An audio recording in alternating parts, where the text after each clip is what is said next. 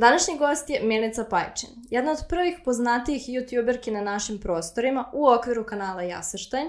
Danas voditeljka na radiju S, takođe i vrlo uspešna influencer, kao što je najbitnije, zove se isto kao ja. Kako si, Milice? Super, obzirom koliko je sati. ne bi da otkrivaš ljudima koliko je sati. ne, super sam, stvarno. Kako ti je prošao dan? Slobodno reci. Ne, ali baš, ba, baš si zlobno, kao za, za početak, kao ajmo odmah glavno. Pa, uh, bio je malo dan D. Mm -hmm. Znaš kao, imaš one dane koji protiču vrlo mirno, možda malo i dosadno, a onda imaš dane u koje se sve slije i, i obaveze i komplikacije. Mislim, ništa, ništa strašno, nego kao... Dobro izbalansira se. da. Dan je krenuo onako malo kako ne treba i sad pa ne, to. Ne, ne, ne mogu da kažem kako ne treba, nego Kao to to. Sve jedna obaveza i svaki posao koji imam su se onako sjatili danas. Tako da, ja ako u nekom momentu počnem da zevam, ili ako krenem onako da budem neartikulisana, nije to do tebe, to je, kao već je krenuo aparat da se to neki retrogradni Merkur nešto se dešava ja, ne znam. Ne znam, što moramo da proverimo? Mislim da jeste.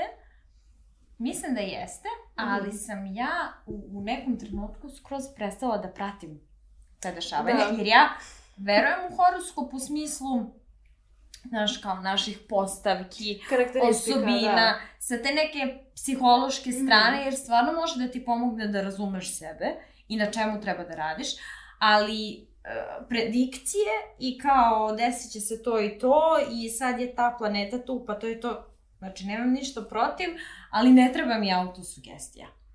Znači, jer stvarno, ono, ja kad znam da će retro Merkur, ja već onako znam, aha, kvari mi se bojler. Ti već, bolje da već da failuješ u svojoj glavi. Da, tako da to... bolje je da ne znam i kao, ajmo, ono, dan po dan. Pa bože moj. Ja, ja se sveća kako smo se ti ja upoznala? Da. da, a, to je bilo a reci mi svoju priču, pošto ne znam da li mislimo na isto. A, jel mislimo na Balkan Tube Fest? Da. Radi još uvek vijuga. da, ja sam se osjećala tada kao neki uh, ludi fan, polu, polu novinarčić, polu ludi fan koji je išao na svoj tajni zadatak među hordom klinaca da te intervjuiše. I me, meni je to sad kad gledam u nas toliko abstraktno, da ne mogu da ti objasnim. Ali čekaj, ono što ja uh, ne pamtim dobro, dobro, jeste da li je to bila prva godina Balkan Tube Festa ili druga? Pa, mislim da je prva. Jel da? Zapravo. Čime, zato što je meni u glavi tolika pomama da ja ne mogu da poverujem da to bila druga godina, mislim da je bila prva. Nema moguće. Da, da, da. I sve sam se tačno da sam ti jurila i nismo ni radili intervju tad, nego sam ti pitala, uh, pitala samo za mail. I onda smo nakon toga se čuli. Znamo, da smo se, da, da, da, da, da, da, da. Mislim da si mi poslala i pitanja. Da. I onda sam ja odgovorila. Da. Jo, u Wordu. U Wordu sam ti slala pitanja. Da, to je bilo jedna 2014. godina. ok, jel možemo ovo da katujemo? Nećemo da katujemo. Ma nije moguće da je bila 14. Da. Ma nije. Zato što sam ja krenula da pišem za, za Hej, a posle za Bravo, uh, druge godine srednje škole. No daj mi, ti nije godina. Uh, sada imam uh, 26, znači 9. Da, 9 godina. I evo nas ovde danas i radila si toliko, toliko stvari od tada do sad, ali su nam se putevi nekako uvek... Pa da, uvek smo kao nalazili da, način, ono, da, da, da, da. sarađujemo, da pričamo. Da, i ja to končno smo otišla na kafu, bar i ovako. pa da, dobro, se desilo. Kao šta je još ovaj? A, hvala. Ako se ne vidiš. Da, namestim. da, namestim. Ovaj, ajde onda da krenemo od uh, celog tog perioda, ja sam štena, mm -hmm. kad je bio na vrhuncu. Ono što meni zanimljivo je što je to bio jedan od prvih naših kanala koji su otvorili taj YouTube uh, svet poznatih ljudi da, u da, Srbiji, da, da, da. da tako kažem. Ovaj, I ti si bila deo toga. Jesam, da. samo što uh, meni je svaki put jako važno da naglasim Aha. da, znači, kreator svega toga i glavni krivac za sve to je Milan. Mm -hmm. Znaš, ne volim e, da kupim kajmak Znaš, jer je on morao da bude taj koji će da nosi mleko, koji će da vugli, koji će da muze gravu. Znaš, kao ja, ej, bila sam deo, kao ja, super. Znaš, uh, jako mi je važno svaki put da naglasim da je on mozak iza svega toga, a mi smo onda nekako svi došli kao, ajde da kažem, jedan važan šlag na tortu. Ne kažem, jesmo i mi ovaj, važan deo svega toga, ali meni je baš bitno da naglasim ko je ono tu mastermind i, i, i kome sam ja zahvalna i znaš, koja je hijerarhija tu. Jer to nije bila moja ideja, ja, ja nisam stvorila sve to, čak ne mogu tačno da se setim, Milana, izvini, molim te, uh, koliko je ovaj, postojao kanal kada sam se ja pridružila ekipi. Mm -hmm. Ali da, da, mislim da došlo je do te neke ogromne ekspanzije, malo pre nego što ću se ja pridružiti ekipi i onda već kad smo mi ostali došli tamo, baš bi ono... Kako si se ti pridružila njima? Pa Milan i ja... to je jedna jako smešna priča. Milan i ja smo išli u Karlovačku gimnaziju mhm. zajedno. Mm -hmm. Ali eto, počeli smo da se družimo na maturi. Znači, finiš finiša. Dobro. Da, ono, kao četvrta godina, kraj, ono, matura je kao zdravo ljudi, doviđenja, vidimo se za 10 godina. Da, da. Do duše, ja imam i dalje aktivnu Viber grupu sa mojim razredom i razrednom. Štreberko, ok. Ne, ne, ne, to, to ti je kao, to nije razred, to ti je ne, neka produžena ruka porodice i, mislim, evo, sa razredom sada ti mm. otvorim Viber ima sigurno neka ovaj, poruka. Uglavnom, e, Milan i ja smo tad počeli da pričamo na maturi. Mislim, pričali smo mi nešto onako vrlo Sporedno. basic, mm -hmm. da, i ranije, ali tad smo počeli da se družimo i, i to je nekako išlo spontano. Znaš, on je, on je znao da sam ja bila u Srpskom narodnom pozorištu godinama, znao je da sam bila u pozorištu mladih, um, njegova mama je imala tu, ajde da kažem, dramsku školu, šta li već, polje izvini ako se nisam dobro izrazila, umorna sam. Uh, i, I ja sam i tamo bila, tako da meni sve to bilo poznato. I znaš, ono, jedna stvar je prosto vodila drugoj, kao družimo se, družimo se, njemu je u nekom trenutku stvarno bio potreban ženski član, znao je šta ja nudim, znao je šta mogu, ja sam bila u nekoj specifičnoj situaciji, uh, jer zbog zdravstvenih problema nisam mogla da upišem fakultet. Ovaj, morala sam da napravim pauzu. Uh, pritom sam, tačno dok je trajala ta pauza, radila sam aktivno dečje predstave. Ono, tipa 5 dana u nedelji i 2-3 dnevno. I tu sam kao pekla zanat, da kažem. I, I to sam radila sa njegovom kumom. Tako da sve to nekako bilo onako povezano. I spontano. A, da, i spontano. A, a inače, znači ja sam prvo bila u toj, prvo u SNP-u, pa u toj dramskoj školi. Pa smo onda krenuli, Milan i ja, da se družimo na maturi. Ali ono što je interesantno, uh, kako sam ja došla do te dramske škole? Tako što sam, to jest, uh, zove se ONM Akademija, sad sam se setila, ovaj, uh, imali smo sociologiju. I većina mojih ovaj, drugara iz razreda odlučili su da pobegnu. A ja sam bila štrebrek, kao, ostaću, ajde, šta, svakako sam to dala, nema veze. I sedim ja na onoj sociologiji broj ovce, otprilike ima na stroje. I ovako spuštam pogled, ono na podu, flyer. I na flyeru su bili ti podaci i ja sam ovaj, otišla tamo, bila na, na audiciji, prošla, tako da, naravno, učenije, nemojte bežati sa časova, nikad ne znate. I slušajte znakove pored puta. Da, to, da, to je priča, ali uglavnom, eto, do toga je došlo spontano i u nekom momentu je on rekao, ej, jel ti hoćeš da budeš član?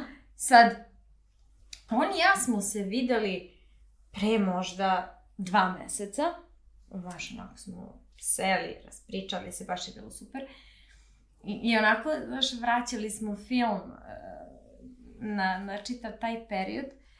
Um, I koliko možda u tom trenutku nismo bili svesni šta čega smo deo, šta se dešava. Ja sad kad posmatram stvari, znaš, kao u fazonu sam, u, kao, super, znaš, ali, ali u tom trenutku nisam bila svesna. Um, I ne mogu da se setim, na, na, na što su za mene sad već fragmenti. Jer ti sad kad si rekla da je to bila koja je 2014. Mislim, to je period od koliko, 9 godina. Mm -hmm. Znači ja sam u tom periodu, ono, dobila dve čerkice. I samim tim mi je mozak uh, dobio određeno podešavanje, a to je, znaš, ono, selektivna memorija. Znači, neke stvari nije da mene ne interesuju, ne, nego prosto, znaš, kao, moram da napravim mesto za raspored, za decu, za sve što se dešava sa njima. I onda neke stvari, znaš, kao, kao da se nisu desili. Ja ne mogu da ti kažem, ej, tako nam je izgledao razgovor, uh, on je mene tako i tako pitao. Ja znam da on mene u nekom momentu pitao, ja sam rekla, ej, da, super, ali stvarno se poklopilo. Jer, recimo, da sam ja u tom trenutku upisala glumu koja je bila moja velika ljubav i sad je, da je sve išlo po planu. Ili neki drugi fakultet, ne, ne mora uopšte gluma. Mm -hmm. A, moj put ne bi ovako izgledao. I, i, i sad, onako, kad gledam, kad, kad posmatram, stvarno, ništa ja to ne bi dirala. Znači, zato sam tu ja da te podsjetim šta se zapravo sve dešavalo. Dok još ja bar mogu da popamtim. Ali nemoj molim te da mi, nemoj samo godine da mi nabraviš. Znači, kad si rekla 2014, kako? Da, videla sam. Jer, mo, jer u mojoj glavi to je neka 2017. 18. kao, aha, jel da? Aha. A, nadaj se. Um, kažu da ne možeš da se setiš dosta stvari, ali da li um, postoji neki određeni način na koji si ti doživljavala slavu u nekom smislu pre i nakon što se desio ceo jasršten? I kako se to promenilo? Kako je to izgledalo u realnosti? I kako je to izgledalo nama online koji smo pratili vas? Šta je tu zapravo bilo iza scene? Kakav je tvoj osjećaj bio iza? Um, pa ja mogu da kažem pre nego što se desilo sve to sa jasrštinom, mm. ja sam imala jednu malu mentalnu igru sama sa sobom. Dobro. Znači, kad sam bila potpuni, ono, nimus, ništa, koji crni jasršten, ne znam da jasršten postoji, ja sam išla Novim Sadom i stavljala slušalice i uvijek sam tako stavljala naočare i neku kapicu i kao ja se krijem od ljudi. kao, Dobre, doći će... ne, nego kao, ne, nego kao, doći će do toga da ja moram malo da se kamufliram da bih mogla da prođem. Ali ne u smislu ja ću sad biti mnogo bitna i mnogo uobražena. Ne.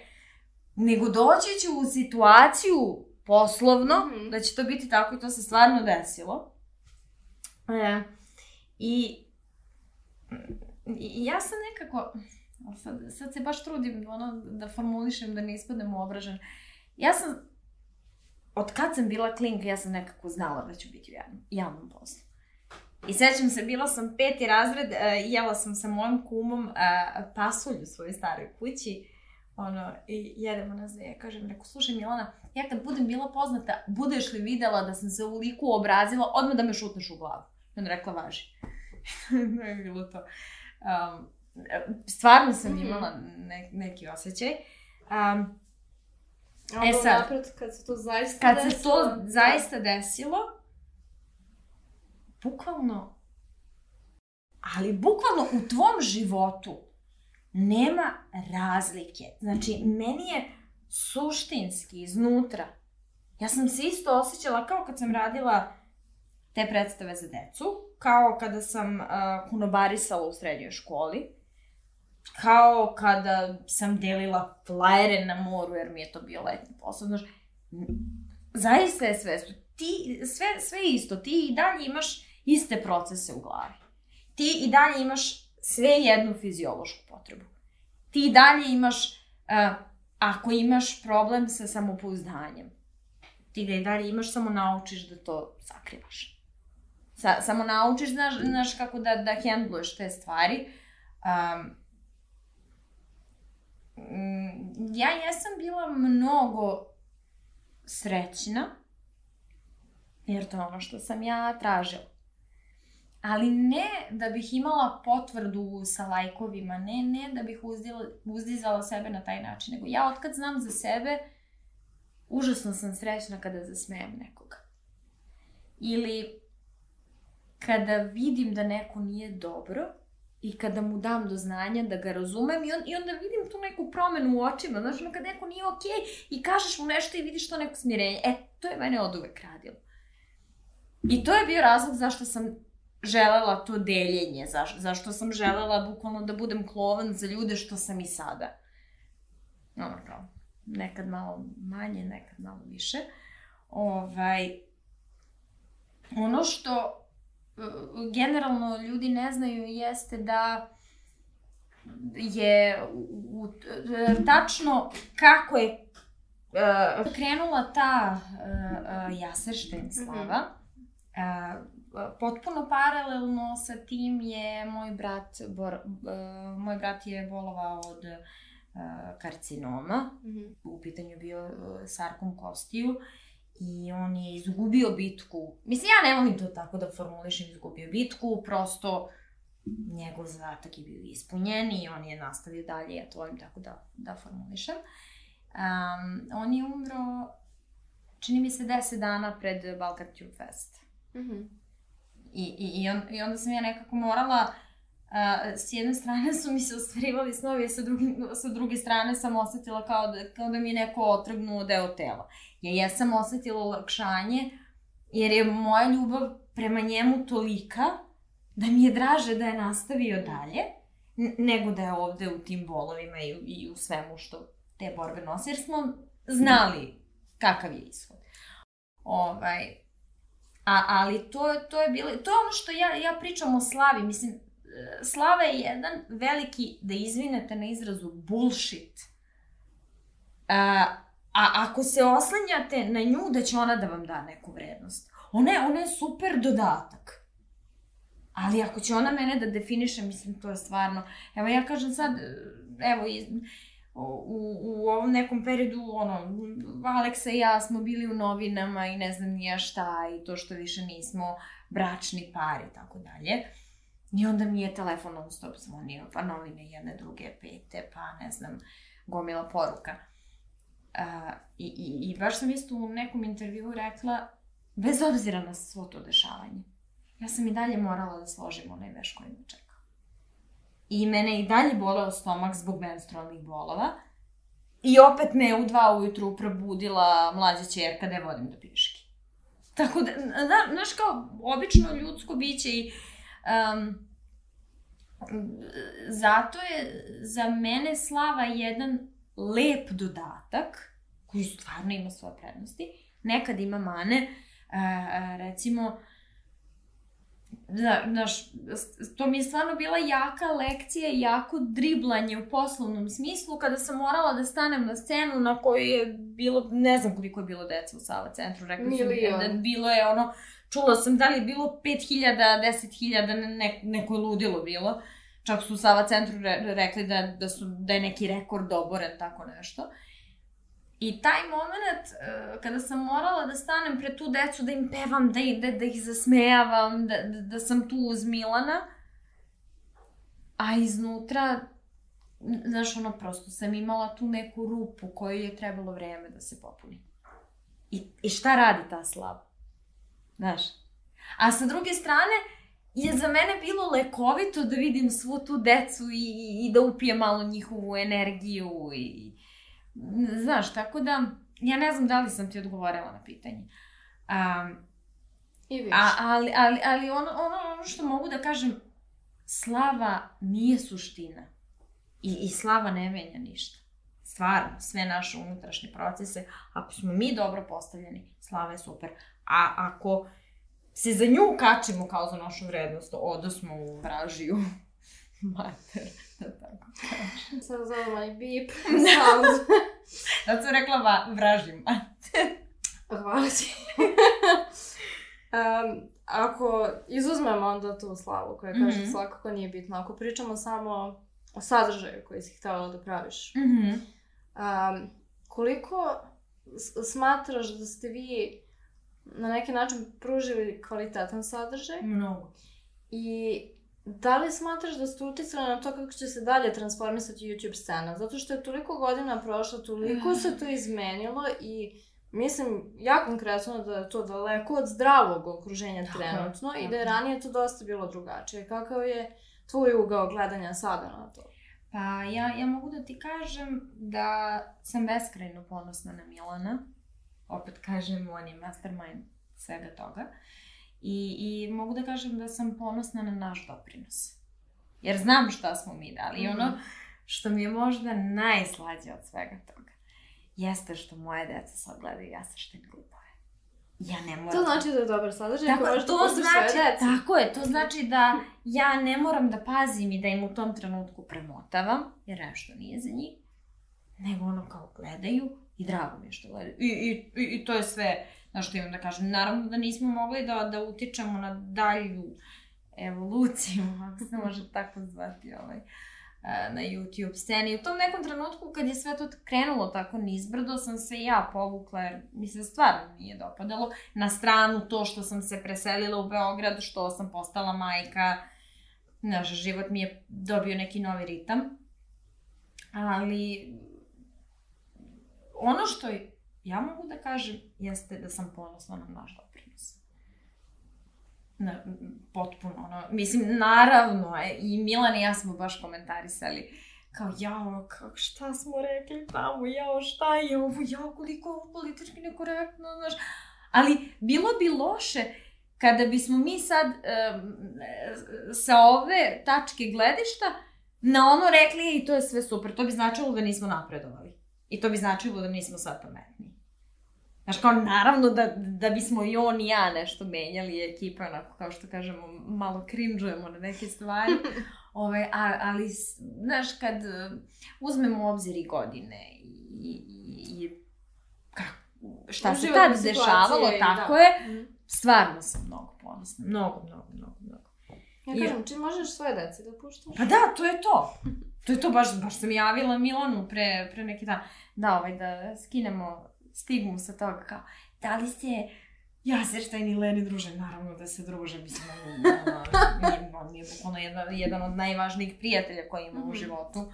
Samo znaš, smo poslovno o, otišli ovaj, ovaj svojim Pa da, uvek je bilo ono, ja se sećam, uh, da li ste zajedno je prvo bio moment, Ja se sećam toga, čak sam i ja mislila da ste vas dvoje zajedno, zato što sam... Bila... A dobro, imali smo moment, da, da. Uh, ovaj, e, stavljali smo u koš sa njim, pa onda malo sa Deksom. Malo manje sa Deksom. Sa svakim kolegom, u stvari.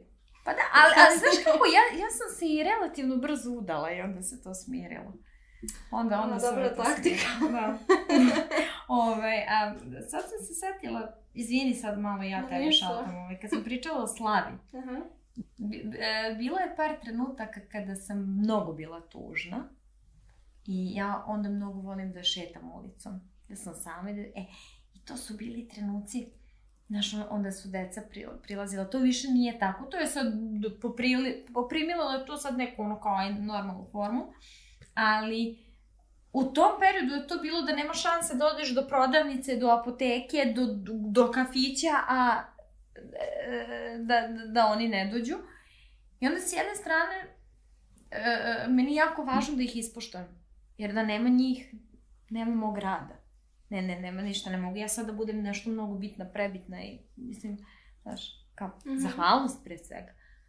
A s druge strane, stvarno je bilo momenta gde sam bukvalno plakala iza tih naočara.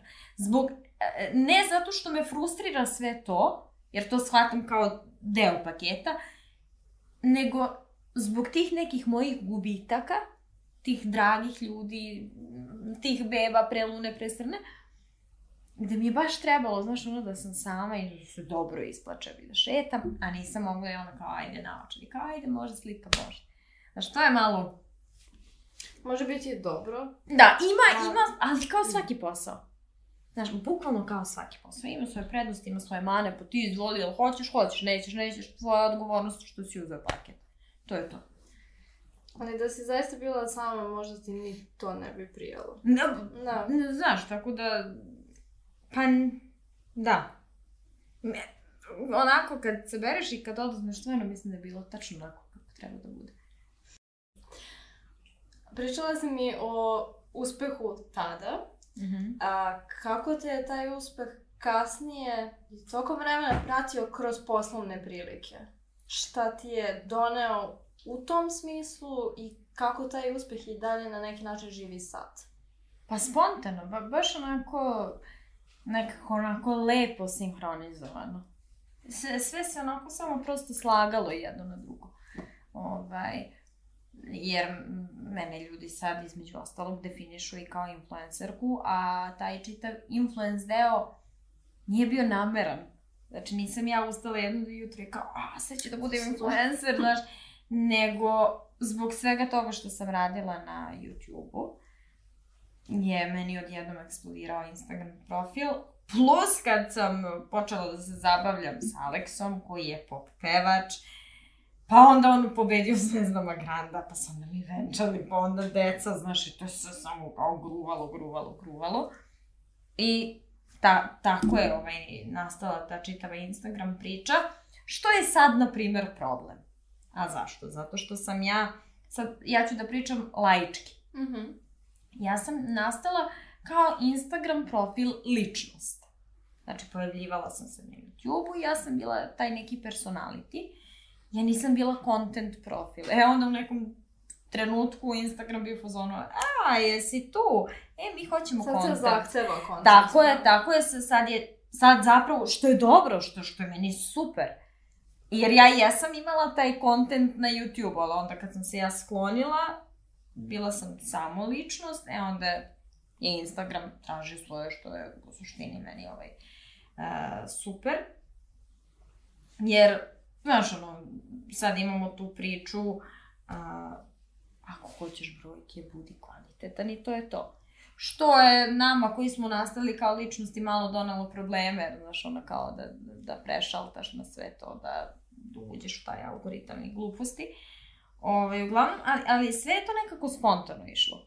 I, i, i sve nekako la, imalo svoj ritam, onako, lagano. Znaš, od tog YouTube-a, uh, znači ja, ja kad sam se pojavila na, na YouTube kod Milana, malo nakon toga sam počela da vodim tu dečju emisiju sa kolegom Dexom, sa kojim i dalje to radim za taj dečiji TV kanal. Um, onda je došao taj influence deo. Posle tog uh, influence dela, uh, kako je to bilo, Bože? Da, moj ovaj, kolega kog znam još iz Karlovačke gimnazije. On nije išao u Karlovačku gimnaziju, ali je bio neki prilepak, što ja kažem, ono, mi rođe u svakoj čorbi. Ovaj, on mi je rekao, kao, ej, mi tražimo voditelja, kao ja mislim da si ti super, ajde dođe na razgovor. I tako sam došla do radija. Znaš, no, i, i, i sad sam nekako došla do toga da te priče onako koegzistiraju. I da su okružene nekom tako je, na neki Tako je, jer... Um, izvinjam se što vam radim. Mm, jako su u karmenim satima, da se vidi? Ne. Ja su. ovaj, hm, jer ja, tehnički, kad me pitaš, ja, ja u ovom trenutku radim četiri posla. Ali ne radim ja sad ono kao vodoinstalater i lekar i veterinar nego radim nešto što je generalno vezano za marketing, za ljude, za nastup, za medije i onda znaš što se nekako širi. Širi, nadograđuje. Da, tako je, nadograđuje se i kažem ti, onda je to nekako bio onako jedan lagan domino efekt. Tak, tako da se sve kao posložilo onako kako treba. Jel si u tom domino efektu ovaj, od ličnosti sada postala brand? Da li se slažeš sa tim? Pa, možda bi moglo tako da se kaže. Nisam sigurna. Mm -hmm. Zato što, znaš, onda pričamo o definiciji, šta je definicija ličnosti, šta je definicija brenda. Ali, ali možda bi moglo da, da, da se kaže da sad već, jer sad kad malo sabiram kao 10 godina sam na sceni, a prethodnih 12 godina sam, a, pred, a, a poslednjih 16 godina radim na sebi. Ali ne ono kao deče radim na sebi, stvarno ono kao full time driblanje. Ima jedno 16 godina, ja sam u sve tu ušla kad sam imala 12. I meni je ritam bio takav da sam 5 dana nedeljno bila ono mali štreberčić koji sve radi oko škole, pa te vannastavne aktivnosti, onda subotom i nedeljom umesto da Znaš, ono, Odmaraš, odmaram, ja se. sam bila u pozorištu svaki dan 4 sata. i subotom i nedeljom, pa onda još računaš da nisam iz Novog Sada, nego iz Bačkog Jarka, pa je vikend, pa su autobusi ređi, pa je to bilo jedno 6-7 sati, ne. I onda sam koristila to vreme ili da učim tekstove ili da pripremam nešto za školu i, i, i nekako, ali nije to bilo, ne daj Bože, zato što su me roditelji terali ili sve to. Moji roditelji su imali jednu jedinu molbu, ne zahtev, nego molbu. Kao, Mico, nam je samo bitno da ti ne ponavljaš godine. A ja, ali prosto sam ja bila taj tip, želela sam, znaš, da sam odlikaš, da dajem sve od sebe. psihologija. Pa nije, ne, ne, ne, oni, oni, oni zaista nisu imali obrnutu psihologiju, kao malo da me čačnu pa će da me pokrenu. Ne, nego, ja stvarno smatram da su moji roditelji bili fantastični u tom smislu. Imali su prioritete. Važno im je bilo da su im deca poštena i da odrede minimum. Ono kao da se ti sad mlatiš nešto, da se nerviraš, nemoj, znaćeš ti. I stvarno su mi dali slobodu. Znaš, mislim, kad sam ja saopštila mojim roditeljima, moj, moj tata dan danas nema mobilni telefon. Nima fiksni. Znači, ja danas pričam kolegi, da bih se čula sa mojim tatom, ja njegov fiksni zovem par puta dnevno. I onda kad ubodem da je on u kući, e, onda mogu neko par Čekaj, dana da mogu da... Čekaj, možeš ni poruku da ostaviš. Pričam, postavio? pričam o fiksnom telefonu. A za nije postavila sekretarica? Mici. Ne. Čekaj, ono što se okreće. E, pa tu ti je isti nivo kao onaj što se okreće. Taj što se okreće smo imali vrlo, baš onako dugo. Sad imamo onaj na dugmiće, ali jedina napredna opcija ti je redial na tom. Znači, a to moj tata ne ume da koristi. Tako da, i sad zamisli reakciju mog tate, mama je do duše bila naprednija, ona je imala telefon, ona je u jednom momentu naučila i da piše poruke, to je bilo to, ali ne kao WhatsApp, Viber, ne, SMS, kao super smo. Mm. I sad ja njima saopštavam, znači njihova čerka koja je u osnovnoj i srednjoj bila 5.00, znaš kao Vukovac, sve kao to, ne, i posle gimnazije ne upisuje fakultet, nego snima za YouTube. Aha, okej, okay, čekaj, šta je YouTube? Ali su mi toliko slobode dali. Ima je samo bilo važno i stvarno su u tom nekom smislu bili ono, toliko prostodušni, nikakva obrnuta psihologija, nego Samo su želeli da su im deca zdrava, da su zadovoljne i da su poštene. I, i, i to su iste vrednosti koje ja tražim za svoje decu. Ne zanima me, znači, šta sad kao tata im je pevač, mama im je ne znam nije šta, kao morate vi, ne morate. Želim da ste zdrave, želim da pronađete sebe i da je zakonito to što radite. I, i kao, to je jedini zahtev. Ovaj. A, e, tako da, pokušavam sad da se vratim, gde, gde smo bile ovaj, Vraću ja sa pitanjem. Pod pitanjem. Spomenula si pozorište i sve te aktivnosti koje si tada Tako radila. je. Koliko ti nedostaju sada? Mnogo, mnogo. Ali, nedostaje mi, znaš kako, nedostaje mi u smislu, u tom nekom smislu mi nedostaje Jaserštajn. Znaš kao, da snimaš i da, jer Leni na Jaserštajnu, to nije Milica To je lik. Stvarno lik koji sam ja uh, kreirala onako kako sam ja umela, znači u tim godinama bez zvaničnog obrazovanja, to je u tom trenutku bio neki moj maksimum, ali je definitivno bio lik. Jer ja sam tačno znala, znaš, aha, kamera je upaljena, sad sam Leni, onda kad se kamera ugasi, ja sam Milica. Ja njih dve vrlo onako razdvajam. Tako da, ne, znaš, nedostaje mi ta igra, ali ono što mogu da kažem jeste ja kad mi nešto nedostaje, ja onda radim na tome da, da malo to vratim. Tako da postoje sad neki planovi i, i pregovori kako um, pošto sad smatram da sam poslovno stvarno onako napravila neki ritam koji mi odgovara i da sam onako i finansijski što se tiče predmeta gde, gde mi je udobno. I kao, ajde sad malo da se vratimo onome što me radi. Tako da ra, u nekim sam pregovorima i planovima, ali stvarno neću da pričam o tome tek ono kad kažem, ej, rešila sam, dogovoreno je, kreće, onda ovaj, da sad ću kao tajnovita. Jesi koristila nekad priliku, sad si me postavila kad si rekla da je Len je bilo odvojeni lik. I čitala sam nešto o kreiranju alter ega pre neki mm -hmm. dan. I zanima me šta ti misliš o tome i da li sada sebe uhvatiš u nekom um, trenutku da, da si nekako izvan svog tela, na neki način da rekreiraš kao neku dodatnu personu, ne mora to da bude Leni, ali jednostavno nekako izdvojena osoba koju se vraćaš kada, kada ti treba ta neka dodatna podrška, samopouzdanje. Ne, ne, ne. ne. A, Leni je bila produžetak igri. Aha, pro, e, produže, produžetak nekoj radnji. Mm, Leni je bila moje, moje produžene ruke i noge da se igram. I Leni mi je pomogla da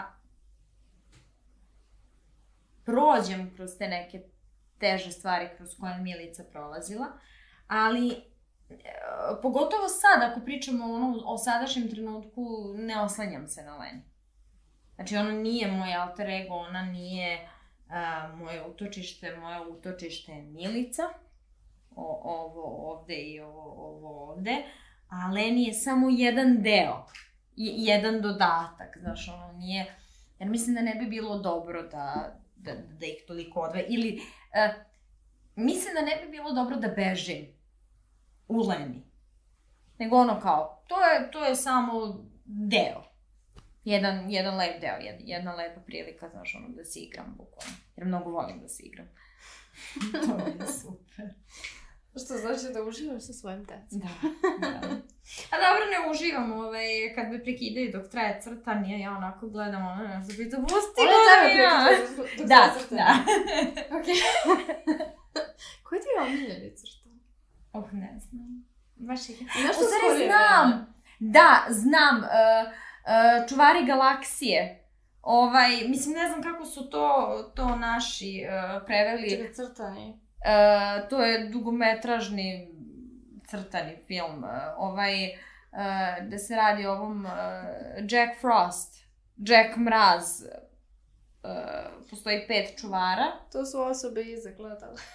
Je, jesi gledao? Nisam. Znači, postoji pet čuvara. Imamo Jacka Frosta, imamo Deda Mraza, Uskršnjeg Zeku, Zubić Vilu, Sandy Man, nemam pojma kako su naši preveli. Uh, ko je još tu? Mislim da nije niko. I tu je Baboroga i oni se bore protiv njega. A Mesec ovaj, upravlja čuvarima i čim je Mesec, ja sam ono... Ah, znaš, pre, predivan je i, i, i poučan je i, i, i fantastičan je. Da, to mi je Možda mi je to omiljeno. Mislim i Lepotica i zver, naravno, to je klasik, ovaj pozdrav za moju večanu kumu, čiju sam kasetu izlizala, onu. Znači, nazve smo je baš. Da se vratimo, to je preusmerimo na influencing uh, uh-huh. stranu tvog brenda slash ličnosti, da tako kažemo. Ili posla. Ili posla. Neka bude posao. Ovaj, uh, kako bi ti definisala trenutno influencing u Srbiji? U ovom momentu, koja je tvoja definicija? Kao jednu, kao jedno otvoreno šareno polje, prepuno raznoraznih biljaka, cveća, znaš, svega tu ima. Ja, ja, ja bih to definisala bukvalno kao jedno široko polje cveća ima malo korova. Možda malo više, ali ja, znaš, kao i uvek u, u životu, mnogo više volim da bacam fokus na to cveće, taj korov, ono, znaš, kao iščupaš ga i ideš dalje i mirišeš, to lepo. I malo razbarušiš ovo okolo što je zdravo. Pa da, ono, pa paziš ovaj, ali... Mm, baš je onako šareno. Ali ja imam to neko pravilo i mislim da je to razlog zašto možda i nemam neku realnu sliku o influence sceni. Uh, jeste što ja pratim isključivo profile koji mi prijaju. Isključivo. Sve što ne valja, sve što smatram škartom, ne pratim i onda ni ne znam za njihovo postojanje. I to Nije ne treba da znaš. Pa da, a Uh, malo sam možda nedisciplinovana što, što se toga tiče. Ne volim ni da budem mnogo upućena. Znaš, kao bavim se sobom, usiju svoje kljuse, bavim se svojom decom, dnevnim obavezama. Ne volim da sam previše, znaš, kao tamo ne. A ako mi nešto iskoči što mi je super, zapratit ću. A onda ako posle nekog vremena vidim da mi to ne pije vodu, ja sam opratim kao nema. I to je to. Nije, onda na feedu samo gledam dobre stvari. Tako da, ne znam, ne, ne znam koliko sam podobna da, da ti baš odgovorim i kao da, da ubodem suštinu. Dobro nam je ono slikovito sa biljkama i cvećem i korovom. Moram da ti postavim jedno pitanje koje ovako mislim da svi... Um, da li žele da znaju ili samo vole da pričaju o tome i na portalima i na društvenim mrežama i u novinama na kraju dana, a to je... Uh, to se odnosi na pitanje zarade, mm -hmm. kada su influenceri u pitanju. I to je nešto što je ili istina ili zabluda, u većini slučajeva zabluda, mm -hmm. bar način na koji se to prenosi. Pošto ti sad ovde, hoću da ti pitam um, da iz tvog Google-a kažeš uh, koji deo toga je istina, koji deo nije i mm -hmm. u mhm. kojoj meri za koje ljude influencere to važi zapravo. E, pa, kao ajde sad da razbijemo mitove. Mit broj jedan, uh, influenceri brutalno mnogo zarađuju za 15 minuta posla dnevno. Je li to otprilike? Mhm. Mm ono kao, stvar broj jedan. Ne, Uh, influenceri odlično zarađuju, to je tačno. Uh, vrlo pristojno, vrlo lepo. Sad zavisi neko manje nego više, ali to je to. To, to je za, zaista ako gledamo prilike u Srbiji, standarde, kako ljudi rade, koji je minimalac. Znaš, jer, jer mi imamo tu neku sliku Srbije koja je na društvenim mrežama, gde smo svi mnogo bogati, svi smo mnogo lepi, svi smo u Dubaju i svi smo srećni u funkcionalnim vezama i niko nije nesiguran. Znači, niko nema PMS bubuljica. A da imamo i, i Srbiju gde ljudi, prosto imaš ljude koji jedva imaju šta da jedu, koji, koji znaš, ono, nemaju za novi par patika. Mislim, to, to je stvarno jedna ozbiljna priča, pogotovo što i, i ova inflacija koja je došla, koja nam nije ni malo pomogla. Tako da kad se sve uzme u obzir i, i ta strana, influenceri zaista odlično zarađuju. E sad, znači, potpuno je izbalansiran obim posla i zarada. Znači, nećeš zaraditi mnogo za 15-20 minuta posla. Odnosno, hoćeš. Nekad i hoćeš. Evo recimo, a, meni se nekad desi da fantastično zaradim, a, a sve scene snimim iz prve. Znači, to je, to, to je nevjerovatno. Ali, kako sam ja došla do toga da sve scene snimim isprave? Pa tako što sam prethodnih onih 16 godina, znaš, trudila se, trudila se, radila, nisam odustajala, nisam imala slobodne dane, putovala od Bačkog Jarka do Novog Sada, snimala sa Jasrštajnom 13 sati, pa onda uh, krenula u te reklamne kampanje, pa kao ajde nađi fazon, pa ajde da nije ono kao neko mi je platio, ja sad pričam, jer zaista postoji ta stvar, uh, ja sam u nekim trenucima odbijala super lovu, zato što to nije bilo nešto što ja verujem. Nisam mogla da stanem iza toga. I kao, znaš, važna je i ta neka granica. Jel imam šta da jedem? Pa, mislim, bolje je da, da radim nešto fizički, neki fizički posao, ali da sam mirna. Nije mi poenta samo novac. Tako da, um, što se tiče obima posla koji imaju influenceri, on je ozbiljan. Znači, od toga da ti imaš to pregovaranje sa klijentima, sastanke, planove, kreativu, Da. Želje klijenata. I želje i onda da, i da se uklopi ta njihova želja u koncept tvog profila, a da ljudi automatski ne budu u fazonu, a ovo je sell out, ovo je kao reklama, neću ovo da gledam, hoću da gledam njeni pravi sadržaj i da se tu nađe ta sredina. Nije toliko lako kao, kao što deluje, ovaj, jer ne radi se o tome da, da, da se influenceri kao prodaju i to je to, nego ja ako želim da vam dajem taj sadržaj koji vam se dopada, pa ljudi moram nečeg da platim infostan i da platim gorivo i hranu i vratić, kao, znaš, sam, samo je važno da se ne pretvorim samo u to, nego da, da i dalje tu kreiranje sadržaja. Ovaj... I da se taj sadržaj koji influenceri zapravo kreiraju da se vrednuje tako je, tako kao je. neki drugi sadržaj. Tako je. Uh, pritom, uh, mislim i ti si u, u kreativnom poslu. Nije slučajno što su kreativci odlično plaćeni. Ne pričamo samo o influencu. Pričamo o, o svim granama gde se od čoveka, da li u marketingu ili negde drugde, traži da bude kreativan. Mm. Zašto je to toliko plaćeno?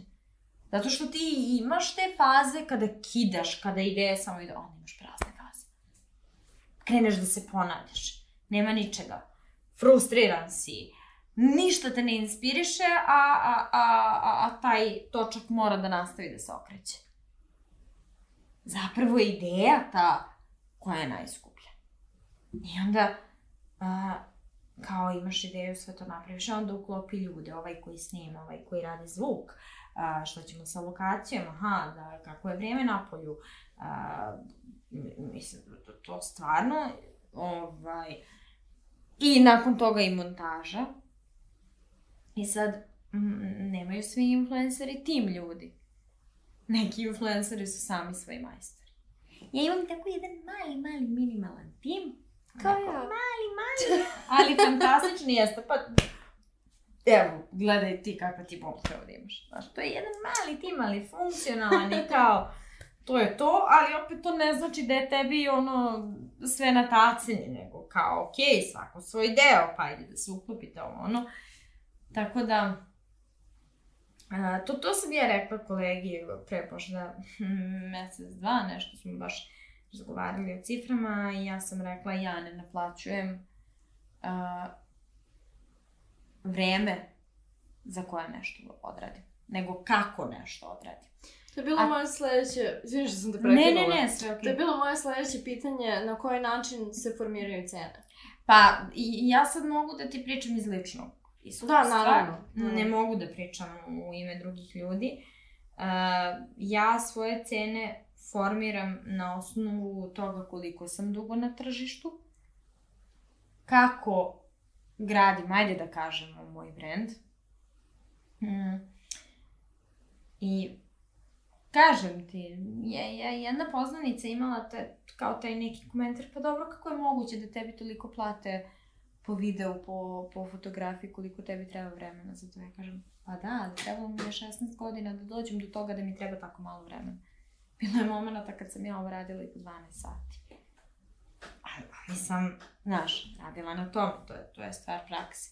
Ali čekaj, ako uzmeš samo taj trenutni proces, da izuzmemo tih 16 godina, opet imaš, što se rekla... Tako je, upravo to, znači to nije uvek tako. Da. Nekad je to zaista jedna laganica, ali to je zato što sam se ja već našaltala, aha, koja mi je ciljna grupa, aha, šta bih mogla da povežem, koju moju prednost ovde da iskoristim, znaš kao, zato što sam već u, u toj mašini, onda zaista nekad bude smešno vremenski. A nekad postoji te trenuci, evo, kao što je ovo danas, mislim, ja ono bukvalno na aparatima, kao infuzija, ono... Gde je čokolada?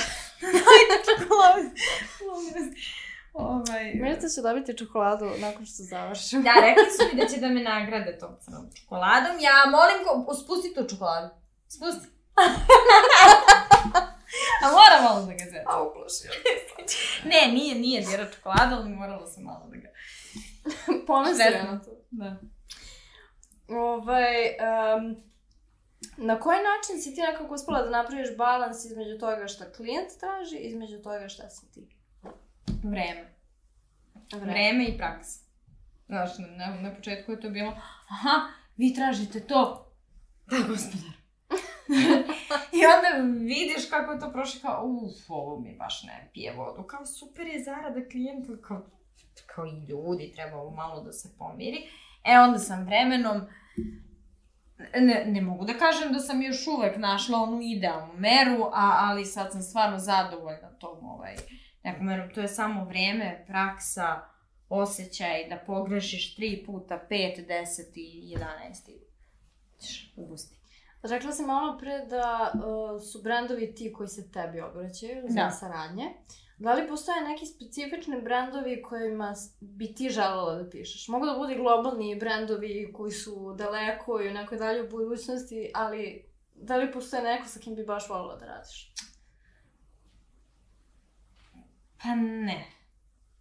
Ali ne, iz, mislim, ne, ne bi se ja kad bi me kontaktirao Chanel, recimo, Barberi, ne, ne bi, ne bi ja njima rekla, ne, gadljiva sam, fuj to, znaš, ne bi to uradio. Mislim, to je zato što volim modu, zato što je obožavam cipele i znaš, ne, to je sad nešto drugo. Ali ovako, ako stvarno pričamo striktno brendovski, ne, nemam nikakve želje i afinitete, a, zato što, znaš kako, ja sam odrasla vrlo skromno. Ja mogu da se prešaltam od toga da živim uh, sa 30.000 mesečno i, i, i sa 3.000 evra mesečno. Znači 30.000 dinara i 3.000 evra. Ja jako lako mogu da se šaltam. I da mi bude super ovde, ali boga mi i da se vratim na ovaj mod i da tačno znam, znaš, šta ću, kako ću. Tako da, uh, nemam te neke ambicije, pa kao jurim neku lovu, jurim nešto. I zato me ne radi to kao ja želim ovaj brand, volala bih da me kontaktiraju.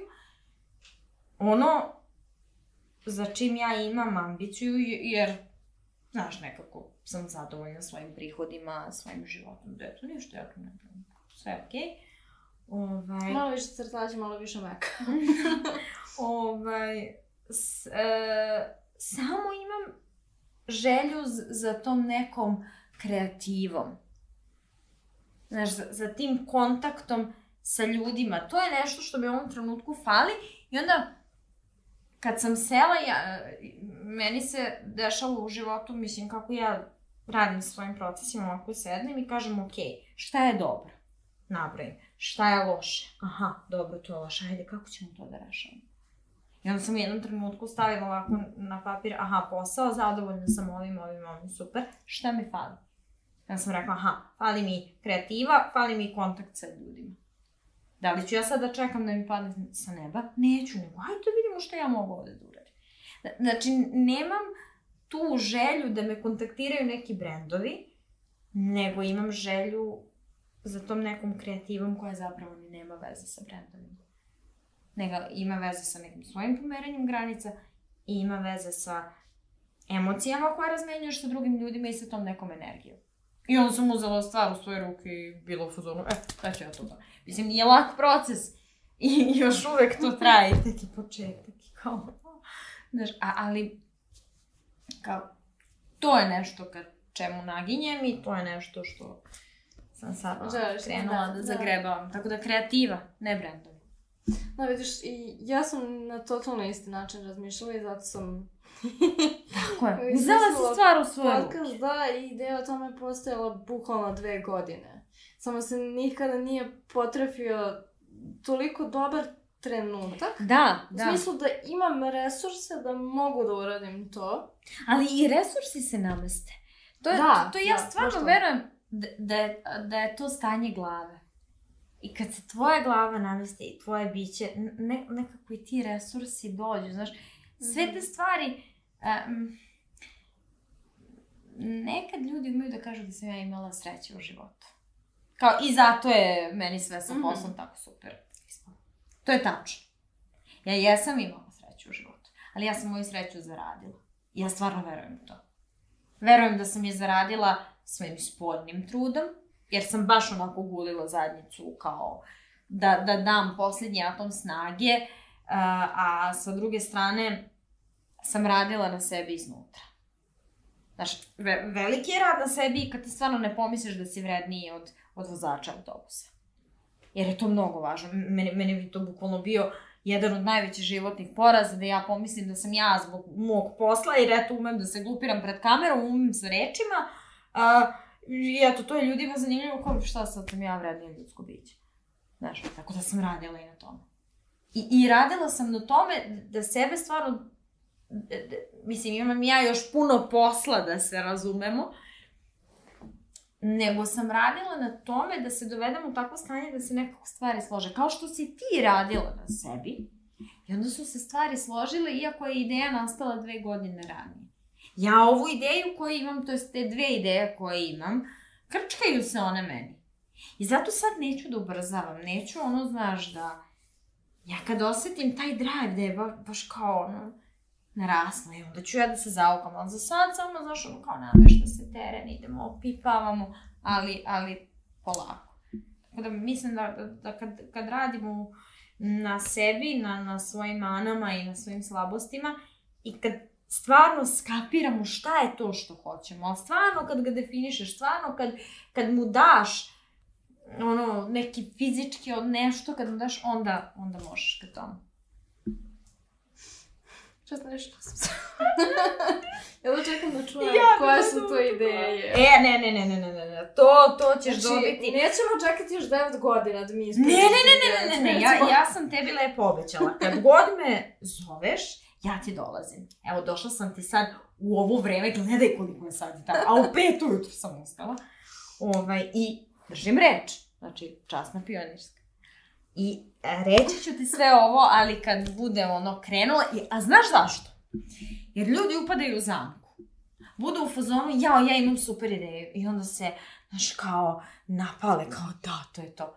I onda ti sav fokus i ta energija koju treba da utrošiš da delaš, ti je nekako rasipaš, pričaš o ovome, pričaš o ovome, pričaš o onome da, i utripuješ se da je to već krenulo. Da, a nije. Da, i oni nadodaju svoje ne. na to i onda se to totalno negdje izgubi. Ovako kad izbaciš da. već gotovu ideju... Drugi... Ja sam u fazonu, drugovi moji, dajte vi da ja prvo ovu energiju kanališem, da ja to realizujem, da to počne da se dešava, a ne samo da je u teoriji.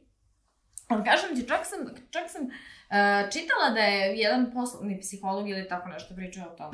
Nemojte o, o, o svojim ciljevima da pričate ljudima, jer onda tripujete sebe da je to već rešeno i onda ne delate. I rasipate sve to što treba da, znaš, rasfokusiraš nešto što treba da je ovde. E, samo zato sam to, ne ono kao, a, izbacit ću nešto, vi niste spremni za to, to je nešto potpuno novo.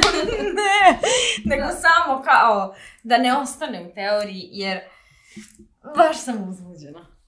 Da, nemaš drugu stranu ljudi koji su više u fazonu priče svime, jer ćeš onda da prizoveš to kod sebe i tako dalje.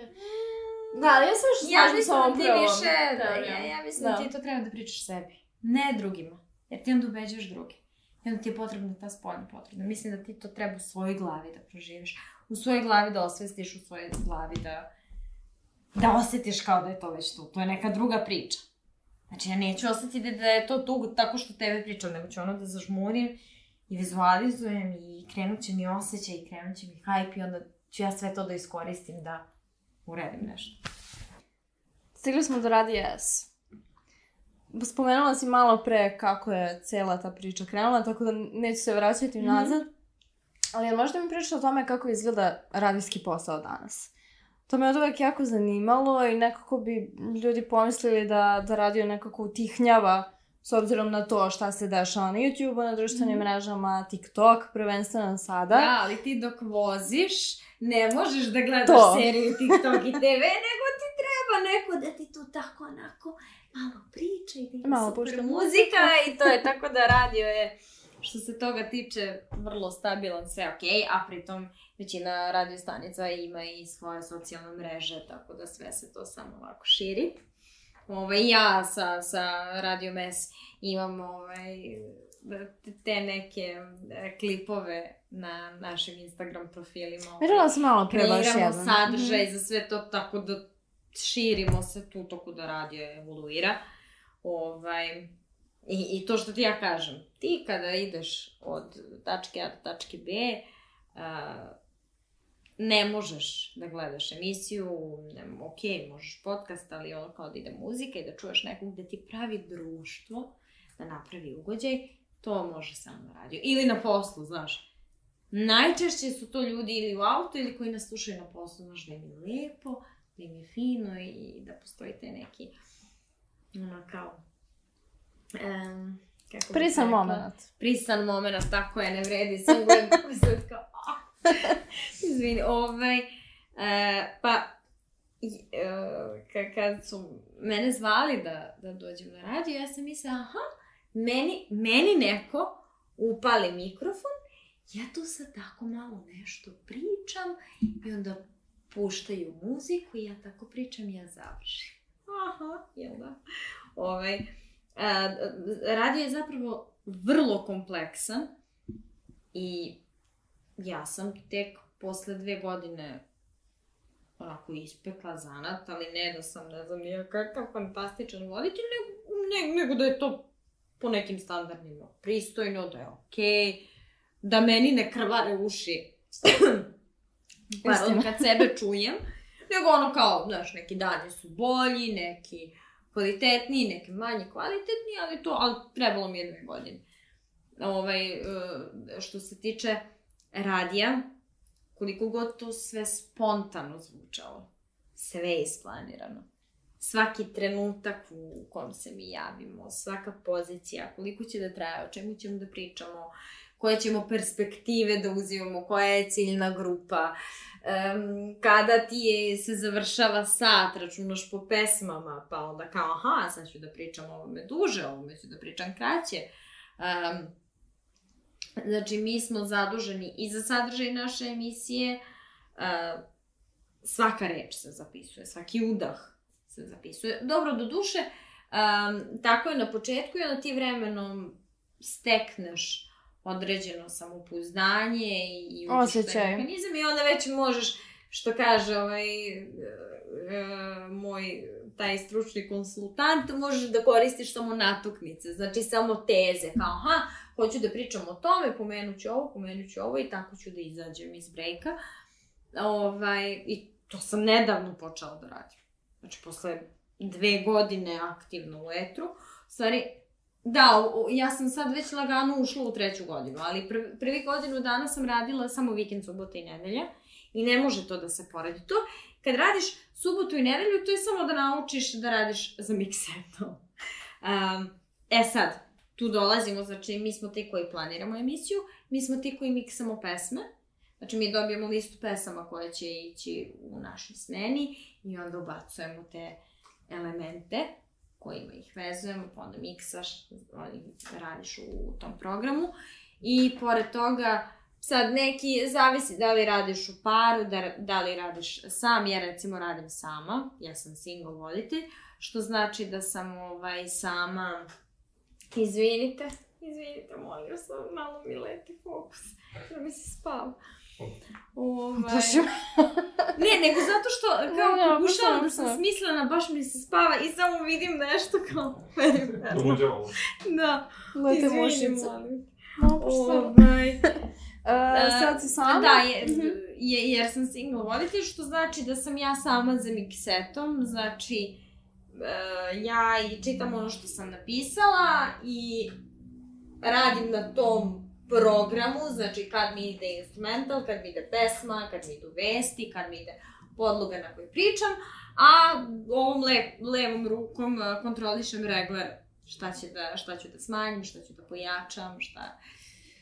Znači, da... nije da ti samo pričaš ne, nešto, ne, nego ne, ne, imaš ne, i da... Imaš, im, imaš jedan onako ozbiljan multitask, uh, koji je na početku jedno ozbiljno hvatanje za glavu i mrzela sam to na početku.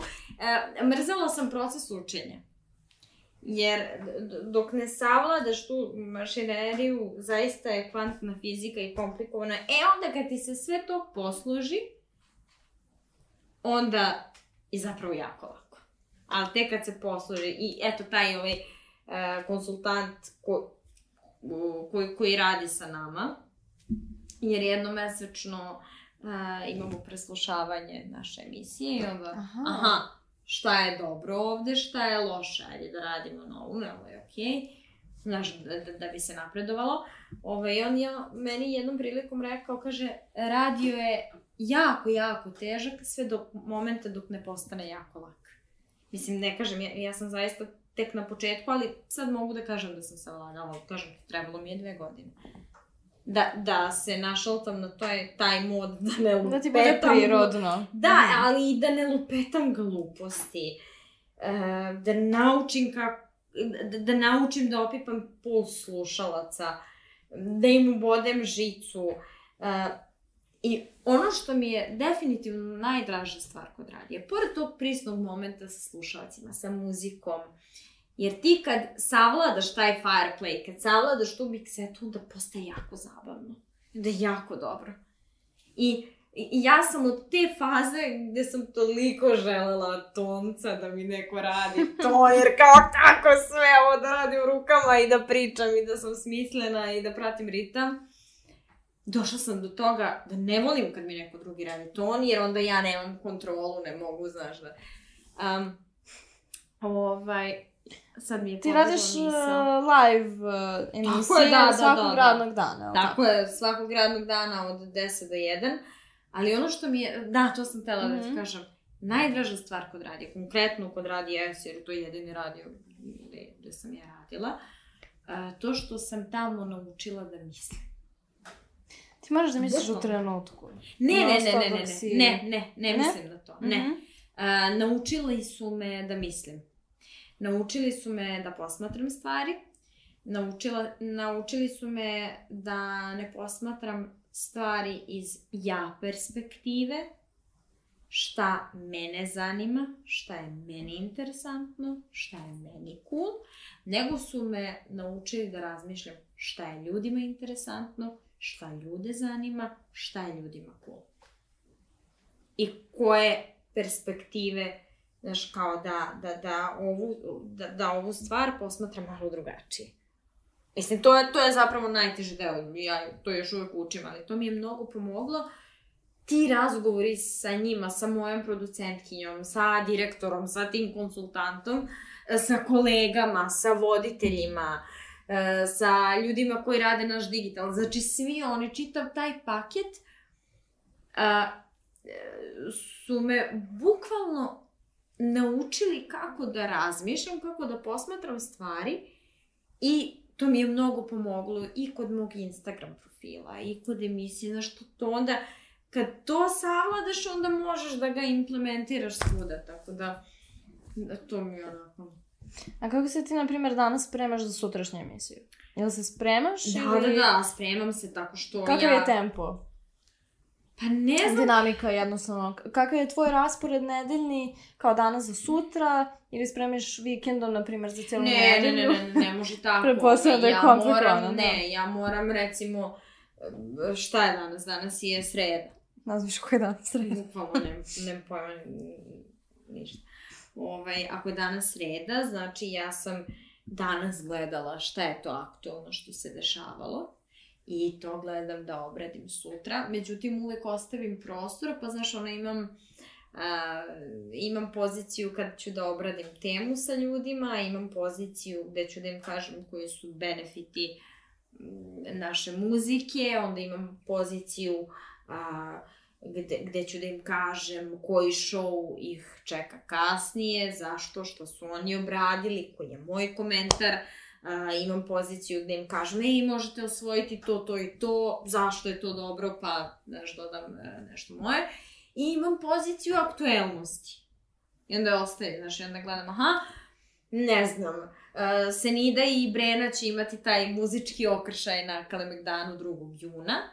Znači, ja sam to ostavila kao nešto što ću da obradim sutra, ali još uvek čekam prazno jer možda će da bude nešto što je bum pa kao pratim i u live, znači ta mi je pozicija za to. Tako da ja se pripremam dan ranije. Uh, mislim, zavisi sad, postoje neke teme koje obrađujem koje moraju dan ranije da se obrade i zbog tehničke stvari i svašta nešto. Ovaj, i, I pripremam se taj dan pred emisiju. Znači ja da, da, da bih se odradila, da bih sve pohvatala, ja ustajem u šest da bih od svog stana stigla do tamo, da bih odvedala decu u vrtić i, i da bih sve pripremila za emisiju koja mi kreće od 10. Ali znači eto, da ti onako sumiram priču, posao radi voditelje i da on kontroliše miksetu i pesme i da smiksa te pesme i da producira svoju emisiju u, u smislu on ima neke određene stavke koje treba da pokrije ali on je taj koji bira koje će tu teme da budu, ovaj, šta, šta će da obrađuje, eto, to ti to. Prima. Pa hvala ti. što si podelila, šta se dešava. Ali, ali definitivno, mislim, eto sad opet razbijemo jedan mm -hmm. mit. Radio nije upališ mikrofon i ti malo pričaš šta, šta hoćeš pričaš, i ti puštaš šta hoćeš, nego to je jedna baš onako ozbiljna mašinerija. Sjajna, komplikovana, divna mašinerija. Pazi, čim to sve izgleda spontano, nama koji slušamo, to znači da je odlično. Pa da, ali, ali ti treba baš puno dok jedno, moje emisije na početku, bože, znači još uvek imam sećanje na neke breakove od koje mi sad ovako... Imaš neku arhivu gde možeš ponovno da ih poslušaš? Ili ne sve, ne, sve je arhivirano. Odustala se slušanje? Ne, postoji baza. Mm -hmm. Svaka naša emisija prolazi kroz tu bazu, sve je tu. Molim vas, kolege, ako bilo ko gleda, molim vas, ne vjerujte moje stare emisije, nemojte me maltretirati. nemojte pokušavati da iskopate ništa. Ne, ne, ne, ne, baš je ovo. I pošto se bližimo kraju, mm -hmm. um, da li želiš da potrebiš sa mnom kada si se ti osjećala kao outsider? Uh. I u kojim momentima si dalje osjećaš tako? Šta za tebe znači? Osjećala sam se kao outsider u detinstvu. Mhm. Mm uh, znaš, ono, i zbog situacije u kojoj smo bi bili, tek sad sam zahvala na tome i mnogo srećna što je to tako, ali znaš kao dok se dešavalo u real mm -hmm. time-u. Osjećala sam se kao outsider dok sam imala te neke zdravstvene probleme koji su me mnogo usporavali, gde sam bukvalno funkcionisala na 15% energije i onda su me ljudi percipirali ili kao mnogo lenjom, ili kao da sam mnogo nesposobna, ili kao da sam hipohondar. Pa se onda konačno, ovaj, kao, ko, konačno su lekari potrefili dijagnozu kad je već bilo minut do 12, bukvalno. Ali u tom svom procesu sam se osjećala kao outsider. Uh, osjećala sam se kao outsider kad sam shvatila da je moj brak gotov. Kao, uh, to je, to je baš onako bio neki proces da shvatiš da nisi promašaj kao čovjek, da je to samo život. I, i, I da je mnogo velika stvar kad ti sa nekim sa kim si bio u braku imaš lep odnos nakon braka i kvalitetan odnos. Ali, znaš, to su sve procesi. Ovaj, tako da, ja, ja bih izdvojila te tri situacije. Znači, to što sam jako skromno živela, baš, baš jako, kažem to sad mm -hmm. obožavam, taj period dok se nije znalo šta je problem sa mojim telom pre te dve operacije i, i onako tik posle rastanka sa Aleksom, u smislu kad više nismo živeli zajedno, tu sam se baš onako osjećala kao pravi outsider.